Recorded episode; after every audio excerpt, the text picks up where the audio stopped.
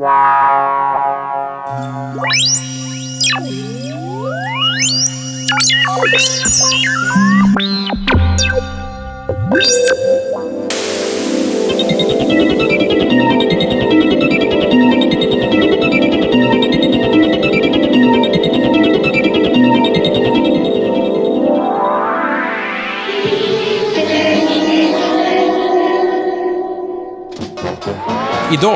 är jag lite nervös faktiskt, för mitt emot mig så sitter Gurra, eh, a.k.a.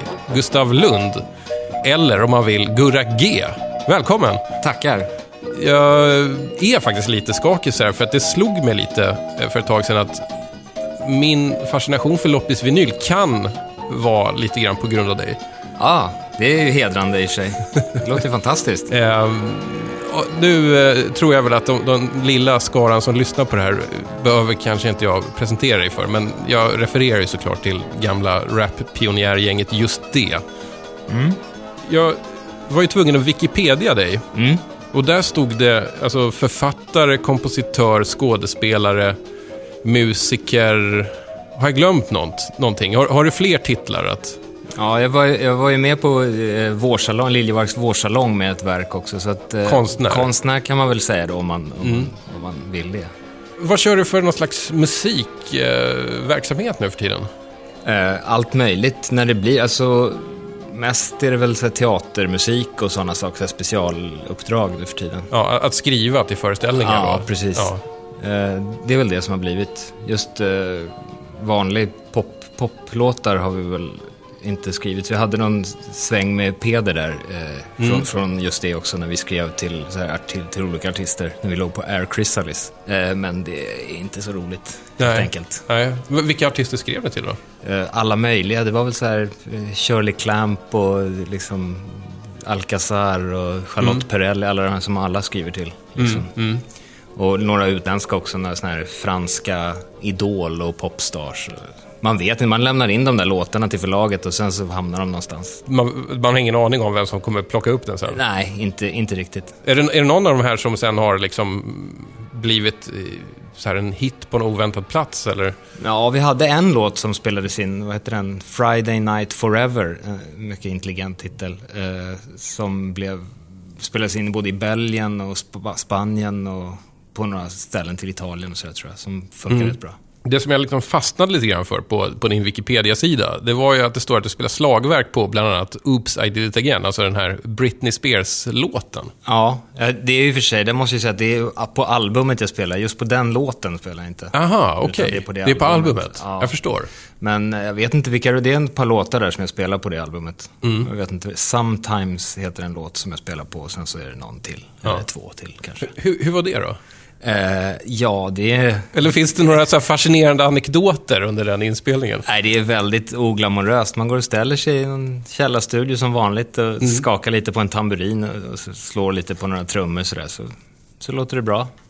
Går man hem. Ändå rätt hård så här, baksidan på skiva credit. Ja, Aha. precis. Jo, jo. Det, det är mer... Det, crediten väger tyngre än själva insatsen, Ja, jag förstår. måste jag säga. Du är ju främst inbjuden hit eftersom jag vet att du är en eh, music lover som inte är rädd för att få dammiga fingrar. Nej, Om man säger så. Du, du går gärna på loppis och kollar efter skivor. ja, det är nästan min enda, det enda sättet jag införskaffar musik på nu för tiden. Va, vad letar du efter då när du, när du är ute och... Det är väldigt svårt att definiera. Det, är någonting som utvecklas med tiden. Det är liksom en kombination av omslag, hur omslagen ser ut, vilken tid det är inspelat och liksom lite vilka musiker. Det, man, man liksom lär sig det där ganska, ganska fort, vad, vad det är som är och inte bra. Har du någon så favoritperson som du ja, vet att så här, ja men är han med på den här skivan, då köper jag den. Nej, men Eller hon. Överlag så är det ju någon så här 70, det finns ju någon så här svensk 70-tals studiomusiker-elit med liksom så här Rutger Gunnarsson och Mike Watson, alla, alla de Ja, som spelar på ABBA helt enkelt. Menar, om de är med, då vet man att det finns en ganska stor, stor risk att det kan svänga till lite grann faktiskt. De är väldigt bra. Är det, det är inga andra så här specialgenrer som du är ute efter då? Nej, alltså det är som sagt tids... Allt, allt efter 1981 eller 82 låter i stort sett som en mardröm. Sådär EMI-studion, Roxette-soundet och allting. När det kom så, så f- då låter det horribelt Ja, allting det. i stort sett. Så, så du har liksom en cut-off point där? 82. Ungefär, ja, typ, typ. Den enda som klarade sig undan det med hedern i behåll, är faktiskt Jakob eh, Hellman. Det var väldigt länge sedan jag lyssnade på det, men det, jag vet inte, det bara slår mig att han kanske...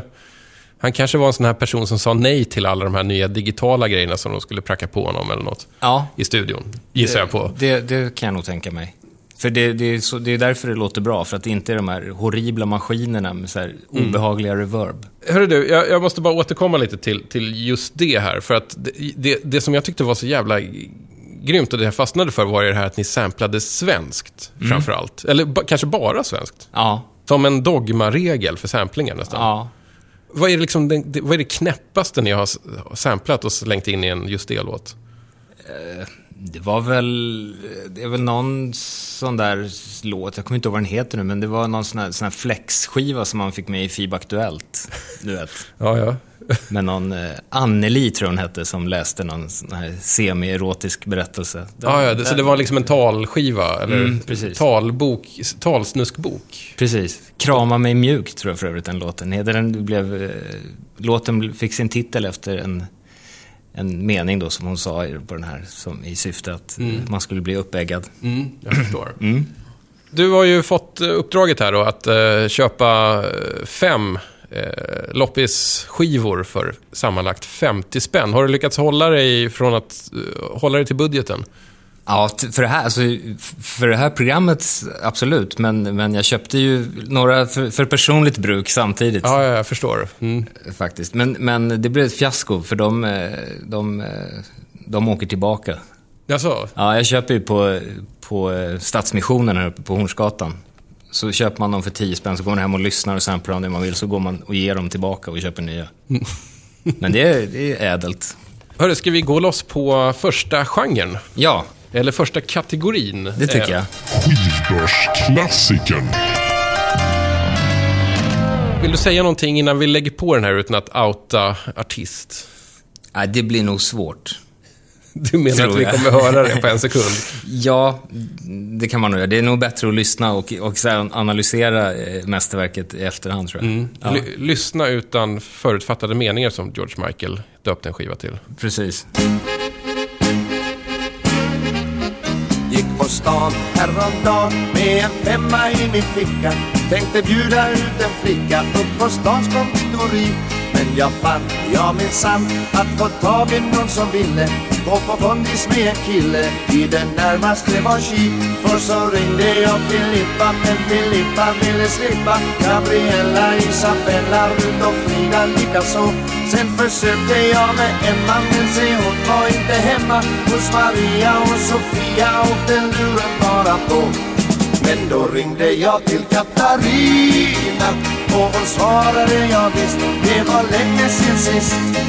Rara underbara Katarina, inte vacker, inte ful, men oj vad hon är kul. Alla killar gillar Katarina, världens festligaste tjej att ha med på galej. Rara underbara Katarina Inte vacker, inte ful men oj vad hon är kul Dagen därpå var det så att i vår tidning stod att läsa Att jag hade fått en resa ut i första pris för två. Och jag fann, ja minsann, det fanns gott om dom som ville. Ut på kryssning med en kille Det fanns tusentals att få. Först så ringde då Filippa Men Filippa vill jag slippa. Gabriella, Isabella, Rut och Frida likaså. Sedan ringde fröken Emma Men se då var jag är hemma. För Maria och Sofia åkte luren bara på sedan ringde jag till Katarina och hon svarade ja visst, det var länge sen sist. Rara underbara Katarina, inte vacker, inte ful, men oj vad hon är kul. Alla killar gillar Katarina, världens festligaste tjej att ha med på galej. Rara underbara Katarina Inte vacker, inte ful men oj vad hon är kul Världens festligaste tjej Att ha med sig på galej Ja, eh, föredömligt kort låt här så man inte dansar sig helt utmattad ändå. Nej, 2.25. Mm. Det, det, är en ganska optimal tid också. Det är ungefär vad man brukar stå ut med kanske. Ja. Vad var det vi hörde? Eh, rara underbara Katarina med Ingmar Nordströms. Från Ingmar Nordströms Sax Party 4. Hur är ditt förhållande till dansband? Eh, det är väldigt eh, bra kan jag säga. Eller, eller åtminstone dansband som det var på 70-talet. Jag tror att liksom, har man växt upp under den mm. tiden i Sverige så har man nog ett förhållande till dansband vare sig man vill eller ej. Mm. Eh, och min farsa var ju dansband, eller, eller på den tiden var det väl knappt dansband. Då, var det, då spelade de ju bara musik. Det var mm. band som åkte runt och spelade musik. Liksom. Ja, just det. Så att eh, det var väl med Svensktoppen och allting det där, så man, man fick ju ett förhållande till det. det var ju, utbudet var ju inte så, det mediala utbudet var ju kanske lite mindre än vad det, ja, precis. än vad det är idag helt enkelt. Just det. Varje gång jag tänker på Ingmar Nordström så tänker jag ju, alltså nummer ett tänker jag på att han ser ut som ett så här litet, litet härligt, gulligt eh, troll pent, av pentrollstyp som bor under en rotvälta tillsammans med sin saxofon. Ja. Eh, och nummer två är att jag tänker att han, han är ju det onda geniet bakom det svenska smetiga saxofonsoundet. Mm. Va, va, vad tror du? Kan det stämma, de här mina två teorier om Ingmar, Ingmar Nordström? Ja, trollet stämmer ju definitivt. Det behöver man ju bara titta på plattan här så ser man ju att det stämmer. Eh, men jag, ja, jag vet alltså, i övrigt, Ingmar Nordström ser väl kanske inte direkt några jättefavoriter. Det finns ju... Den här låten är ju en klassiker. Men sen så finns det ju nog andra band som jag skulle hålla som lite... Flamingo-kvintetten är ju väldigt bra tycker jag. Även Sten och Stanley tidigare har gjort mm. liksom där Daddy Cool och såna på svenska som är, är ganska speciella upplevelser att lyssna på. Ja, just det. Precis. Men hur är det så här? För att jag, jag, är ganska, jag är i princip dansbandsanalfabet. Alltså jag har ju hört det såklart. Mm. Och, och eh, eftersom jag växte upp under dansbands-Sveriges guldålder ändå. Precis. Men, men jag har, jag har liksom aldrig lyssnat in mig riktigt på genren. Så här. Om, om man vill liksom få en liten ingång till det här, vad ska man titta efter då? Uh, I stort sett, det är återigen så här tidseror. Jag skulle nog säga att den här plattan är från 77 till exempel. Och någonstans där, jag tror att Flamingo-kvintetten 11, mm. den finns på Spotify också. Mm. Där kan man ju någonstans börja titta. För där, som jag tycker är roligast är ju när, när svenska dansband gör covers på, svenska covers på, på hit, utländska hittar. Just det. Mm. Och, och, på 11 finns ju eh, Flamingo-kvintettens svenska version av Funky Town. Mm. Ja, eh, som är väl värd att lyssna på kan jag säga. Va, vad heter den på svenska då? Funkköping? Den, nej, den heter Funky Town faktiskt. Det är bara liksom verserna där som är, som är svenska. Så någonstans där och sen så kan man ju leta sig vidare. Det handlar ju mycket om, om sound också och grejer. Så det är 70-talet överlag. Mm, mm. Jag vet att på den här Ingmar Nordströms fjärde saxpartyplatta så finns det ju en rätt spacad Flight of the Bumblebee. Kan vi inte vi köra bara en jo, liten, jo, liten bit av den? För att... Risken är att vi kommer mista våra förstånd här, men det, vi, det är en risk vi får ta. Ja, det, det, blir ett litet bonusspår här från, från Ingmar Nordströms Saxparty 4.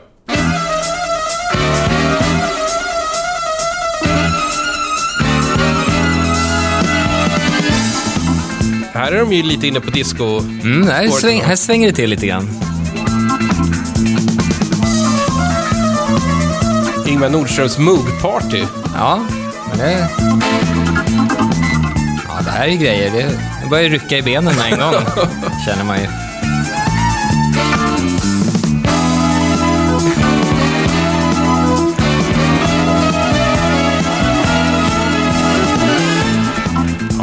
Sen på samma sida finns ju också Chanson d'amour i, i en eh, saxofonversion om man, om man känner för att man vill eh, förflytta sig till, eh, till en hiss på ett lyxhotell helt plötsligt, av någon anledning.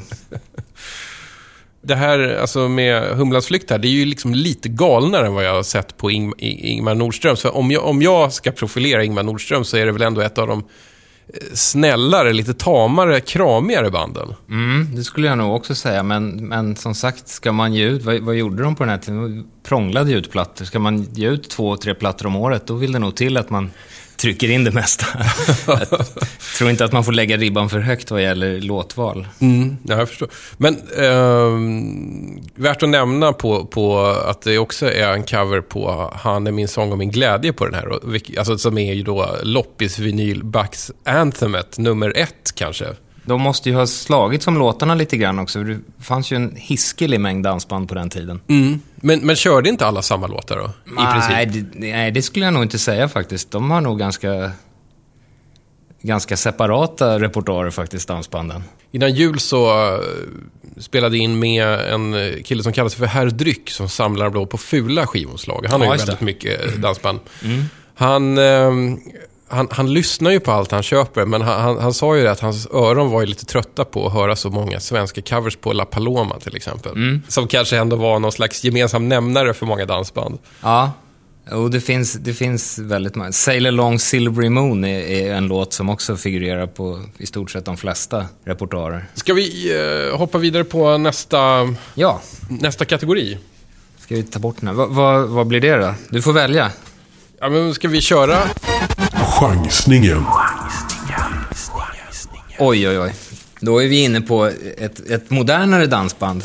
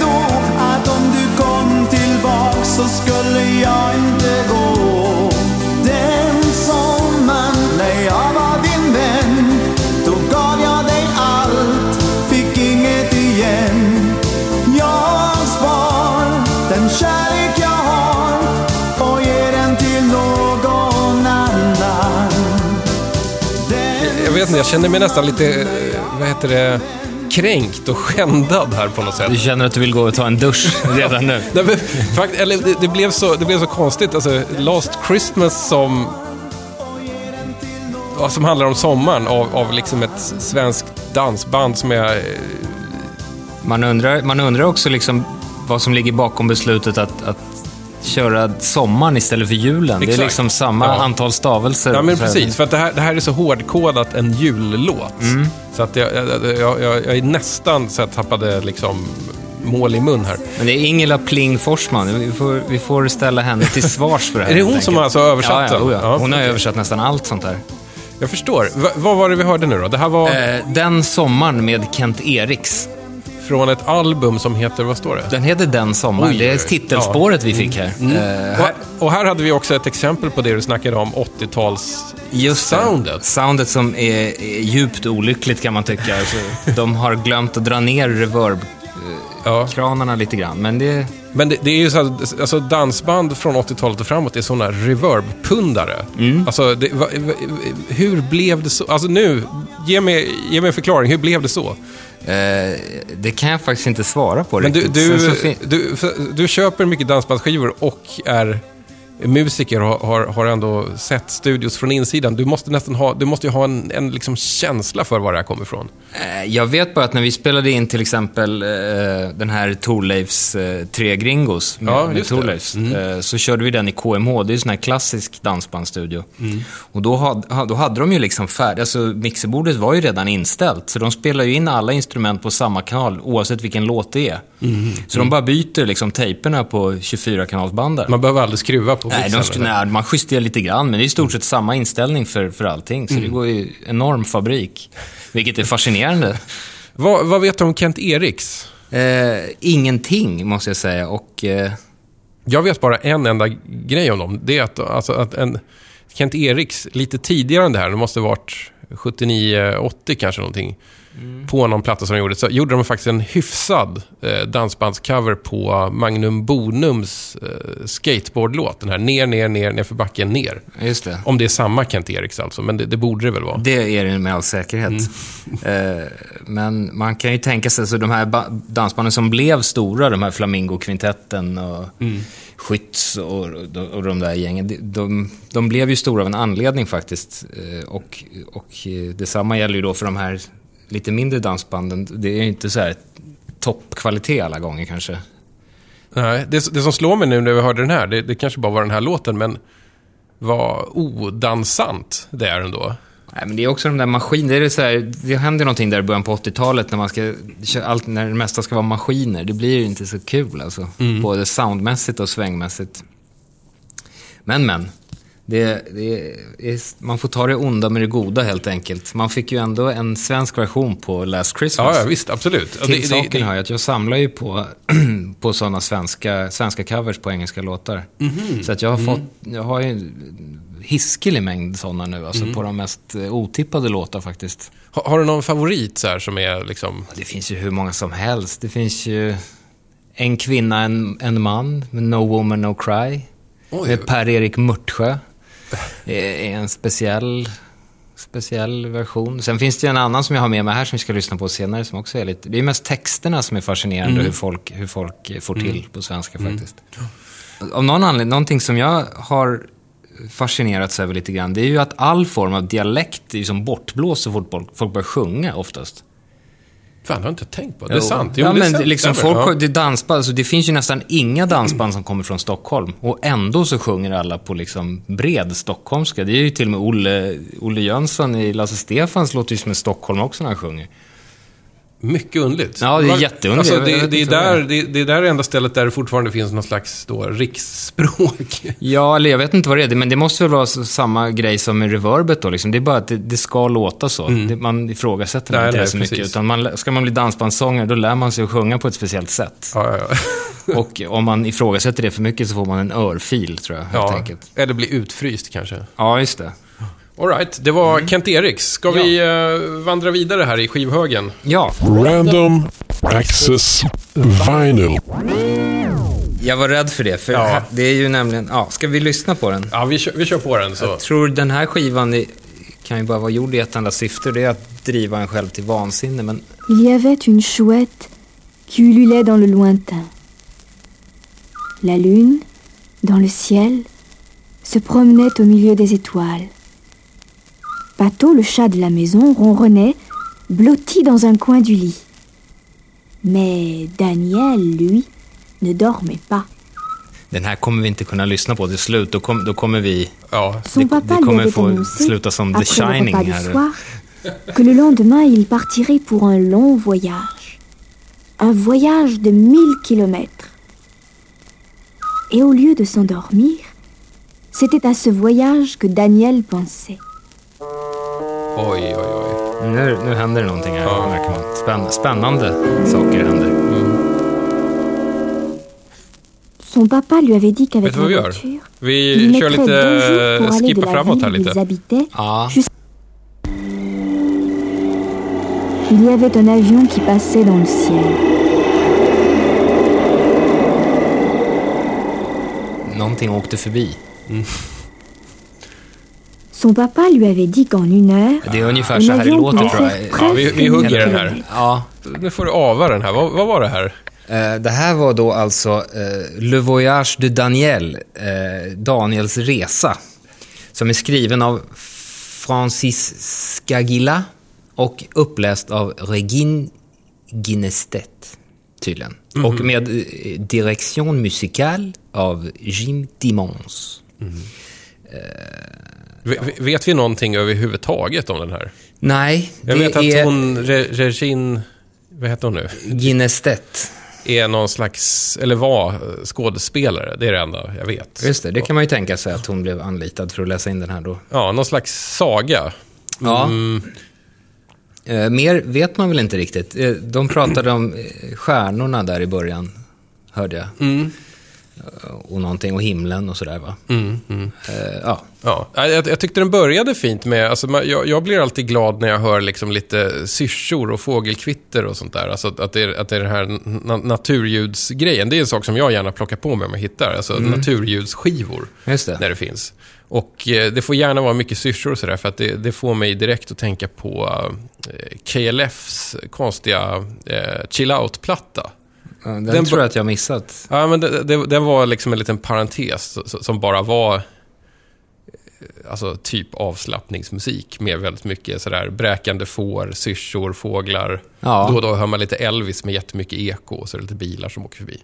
Ja, varför inte? Men den försöker å andra sidan inte berätta någonting som den här gör. Nej, just det. Alltså, det här kan ju hända när man eh, hugger en skiva bara. Just det, det kan hända den bästa. Ja.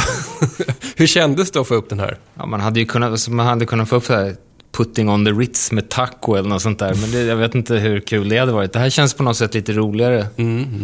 Jag, jag kan inte hitta på någonting smart eller kul eller ens tråkigt att säga om den här. Så att jag tycker nästan att vi, Vi lämnar den. ja, vi lämnar den och så går vi på eh, nästa kategori som är då... Nostalgiköpet. Oj, oj, oj. Det, Det här ser rätt härligt ut. Eller det här, det här vet jag blir bra. Ja, det blir mysigt och trevligt.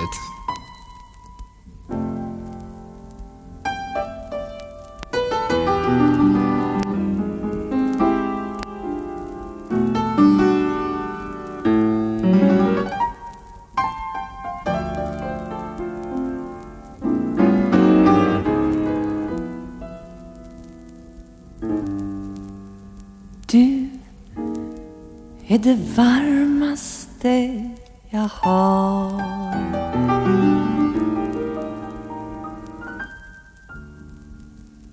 Jag tar dig på mig när jag fryser.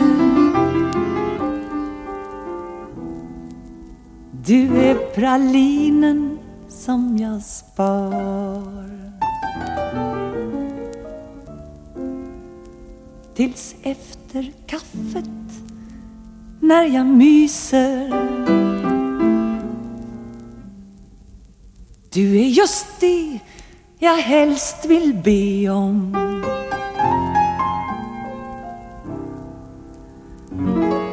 Trots att det finns så mycket bra.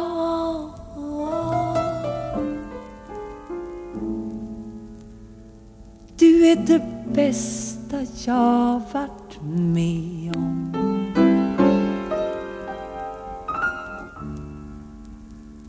jag har varit med om mycket, jag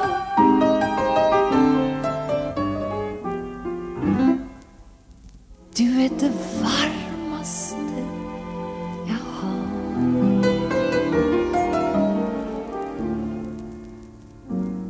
Jag tar dig om mig när det skymmer. Du tätar springor det drar.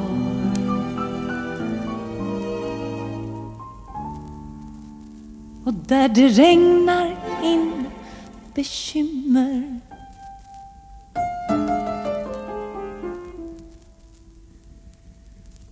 Du är precis vad jag behöver.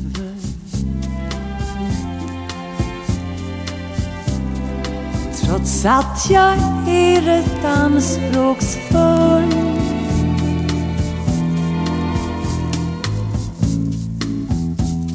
Du är en sällsam lyckoklöver.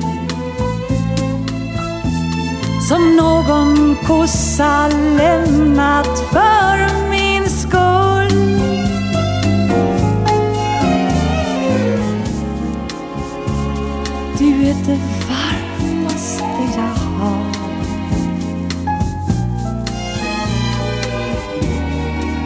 Har dig på mig när jag sover.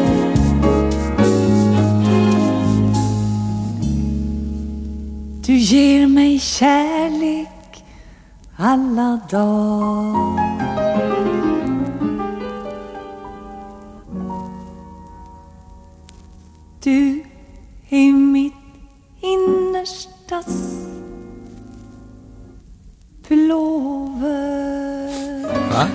Sån sak?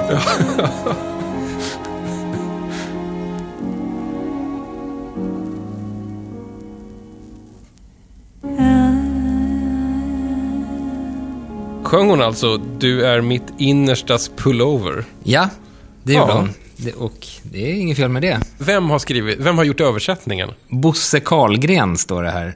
Det vet jag ingenting om vem det är. Men, Nej, ja. inte jag heller. Men, Ä- eh, Ändå finurligt av Bosse tycker jag. Ja, om man, om man vill eh, se det positivt. Och det ska man ju göra, Mm. Ja. absolut. Men det här var alltså Lill Lindfors som tolkade You are the sunshine of my life. Ja, Och, vad heter den på svenska då? Den, du är det varmaste jag har. Och därav också då Mm. innerstas pullover då. Som är tänkt att man drar om sig för att bli varm. och albumet här, för det här är ett album, heter alltså Du är det varmaste jag har. Ja, Eh, och på tal om eh, då studiomusiker-maffian så gissar jag på att de är med och lirar på den här, delar av den i alla fall. mm. det är ju Ola Brunkert och Finn Sjöberg och, Hector Bingert och alla de här. Men det här är alltså eh, nostalgiköpet, en skiva som du då har haft, eller åtminstone har haft en relation till innan. Vad, hur hur var det när du hörde den första gångerna liksom? Ja, man måste ju också säga att alltså, jag köper ju på Stadsmissionen här uppe och där, de har ju typ tre backar. Så det är inte sån här hysteriskt utbud.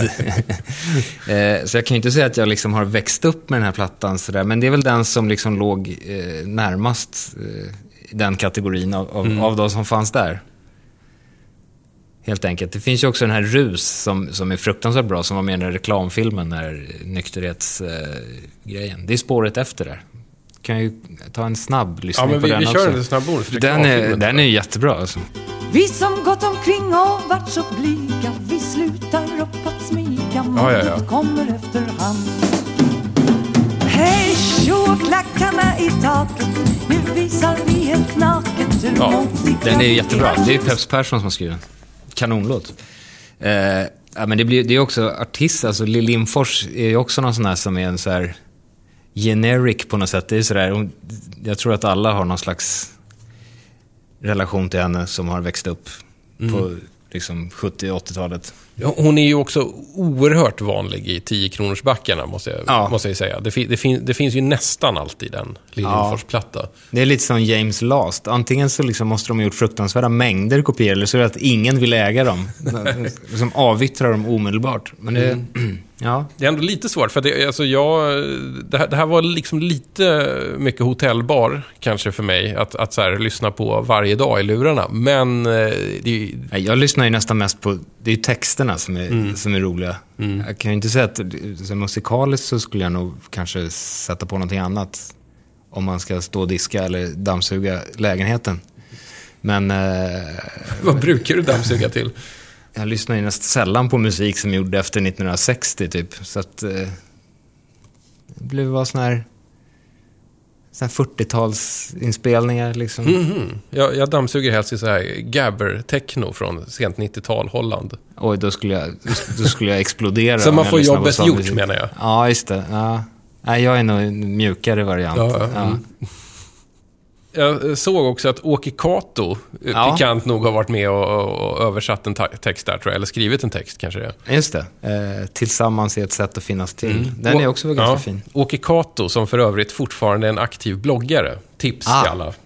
Ja, rafflande. Han är ju fantastisk. För att han, han, han är, håller fast i, i det liksom lite kåserande tonfallet fortfarande. Ja, han är, han är fantastisk. Nöjesmassakern låg han bakom väldigt mycket i. Mm. Och sen så Varning för barn var han ju med och skrev, eller Magnus och Brasse också. Det visste jag inte. Jo, för det där kollade jag nämligen för att Magnus och Brasse gjorde ju två krogshower. Dels Varning för barn och eh, Det är serverat. Mm. Varning för barn är ju helt fantastisk och Det är serverat är komplett katastrofalt dålig. Och då kollade jag lite grann skillnaden på det. Ja. Och det är Åke Det är Kato. Åke Kato som Ja. gjorde Varning för barn Ja, till en bättre ja produkt helt precis. Och sen var inte han med på det där det är serverat. Och det, jag tror nog att det är där, därav kvalitetsskillnaden. Fan, man lär sig någonting varje dag här alltså. Mm, verkligen. Ja, ska vi säga någonting mer om Lill Lindfors? Nej, jag Nej, tror att de, okej, de ja. flesta vet. Fyndet.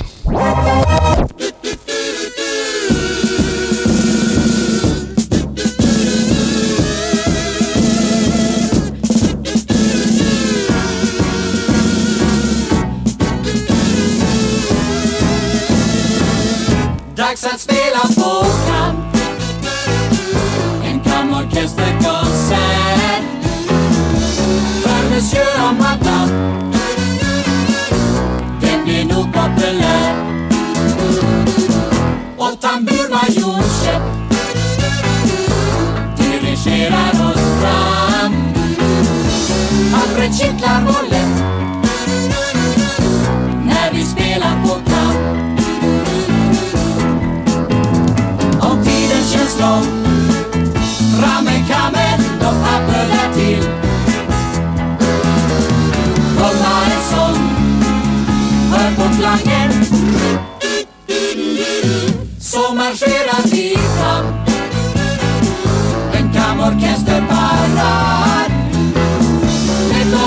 papper och kam Vi gör var människa glad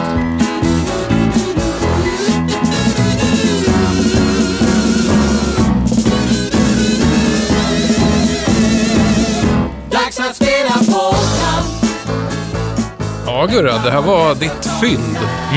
Dags att spela på KAM med Bruno Glenmarks orkester.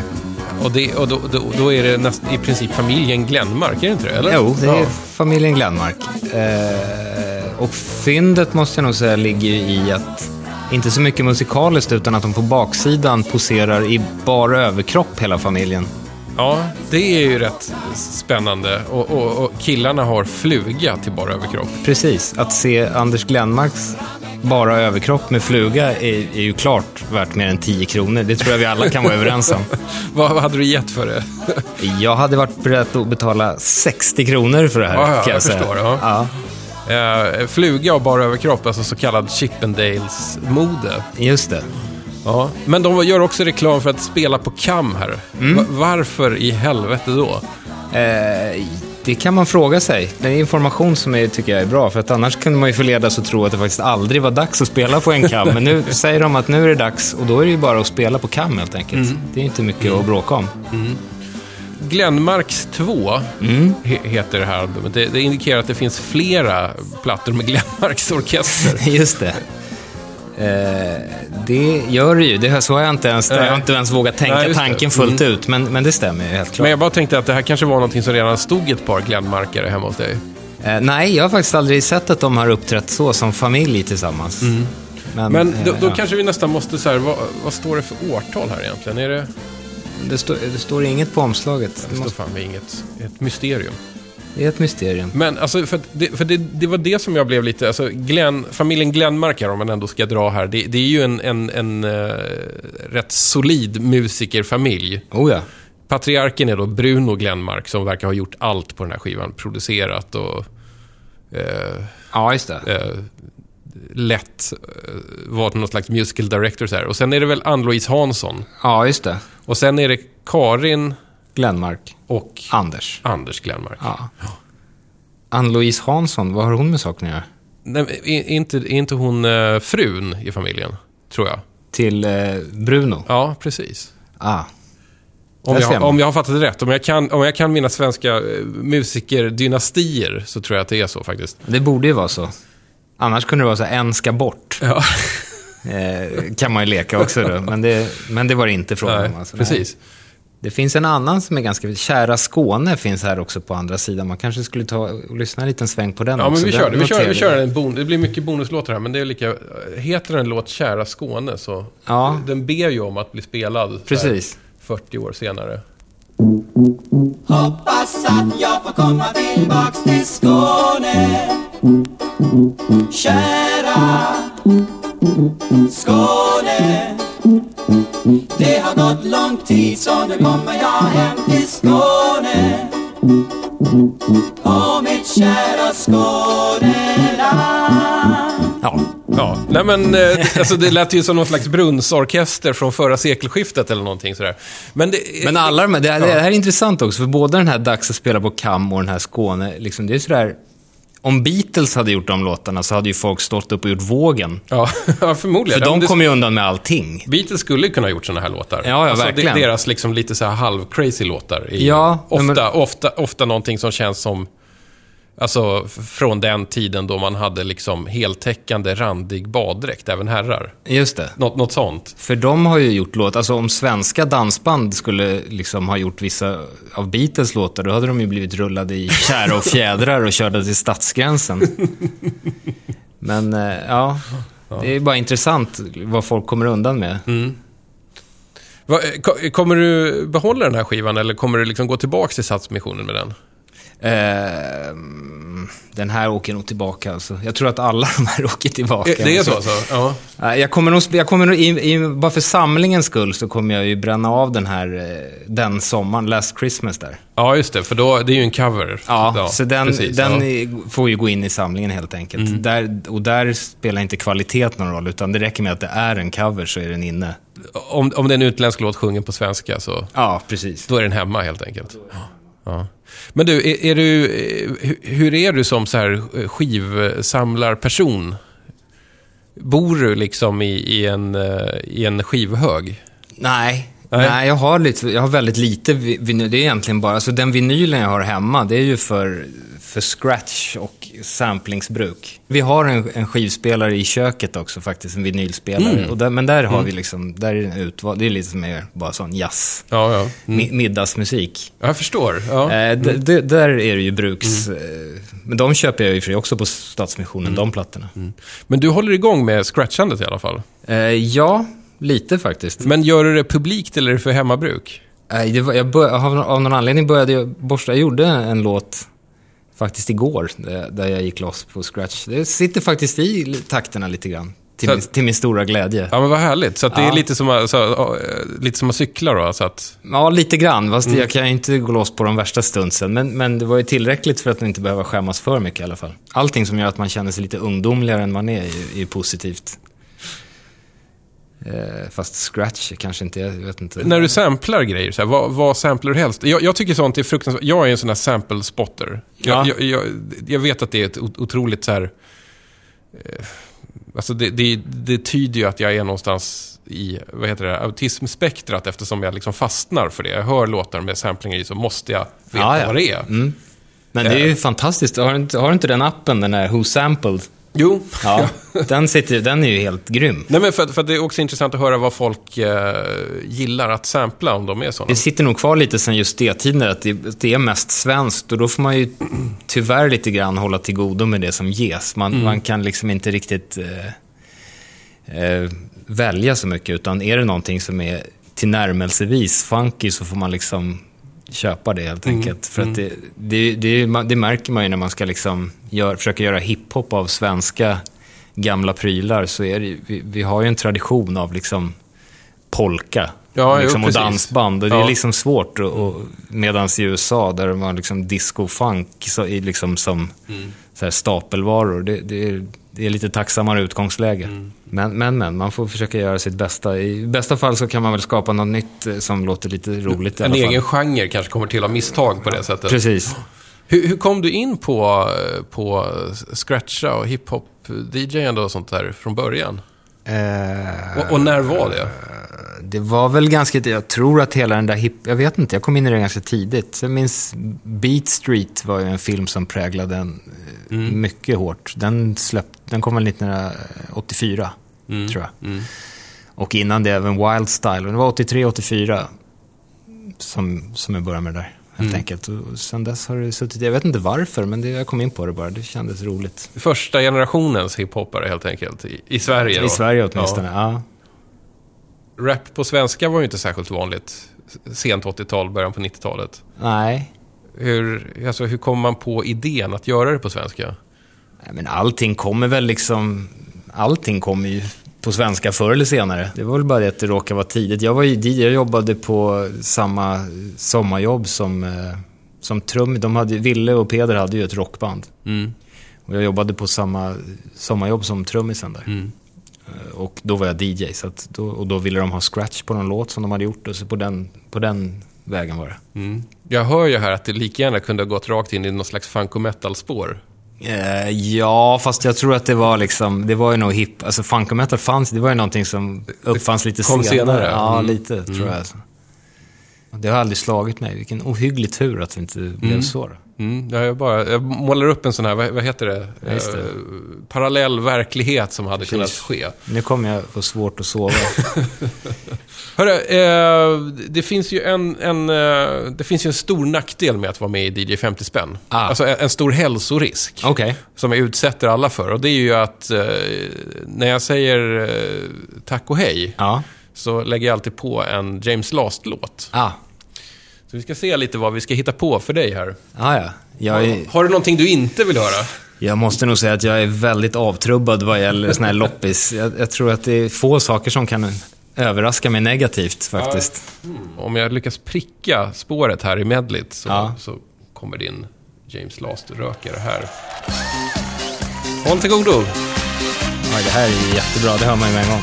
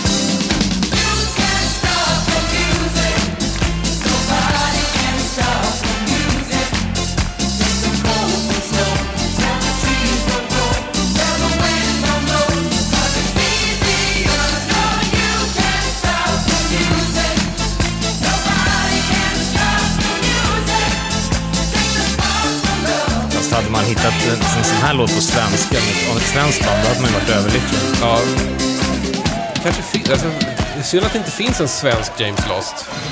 Ja, ska ju vara dansbanden då. ja, någonstans. Det finns, ja... De som egentligen var bland de tidigaste med disco liksom på riktigt och göra bra grejer, det var ju Strix Q, alltså Ugglas Mm, gamla kompa. De, var, de har släppt sina alltså de tycker jag är fantastiskt bra, Mm. mycket de gjorde alltså. För det var den första som gjorde det på allvar. Så det är också så här, saker har en tendens att bli liksom skämt. Det första, första gången någonting tas till Sverige så blir det skämt. Ja, det är så här, precis. rock'n'roll började med liksom varmkorv-boogie Ja, liksom. precis. Ja. Men, men Strix Q var den första som gjorde liksom, faktiskt både funk och, disco Ja. på liksom, så bra.